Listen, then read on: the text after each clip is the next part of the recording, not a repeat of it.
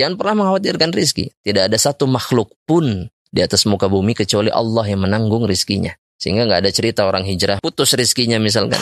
Jadi nggak ada cerita rizki itu terhenti karena hijrah. Selama dia masih hidup di atas muka bumi, maka Allah Subhanahu Wa Taala yang menanggung rizkinya. Makanya kadang-kadang saya suka mendengar orang bilang, aduh rizki saya habis nih kayaknya udah udah nggak ada ya. Kalau habis berarti selesai hidupnya di dunia. Berarti habis tuh sama dengan meninggal. Enggak, meninggal sudah. Karena setiap jiwa kata Rasulullah SAW itu tidak akan mati sampai apa? Tastawfiya rizqaha sampai rizkinya sempurna seluruhnya diberikan oleh Allah Subhanahu wa taala.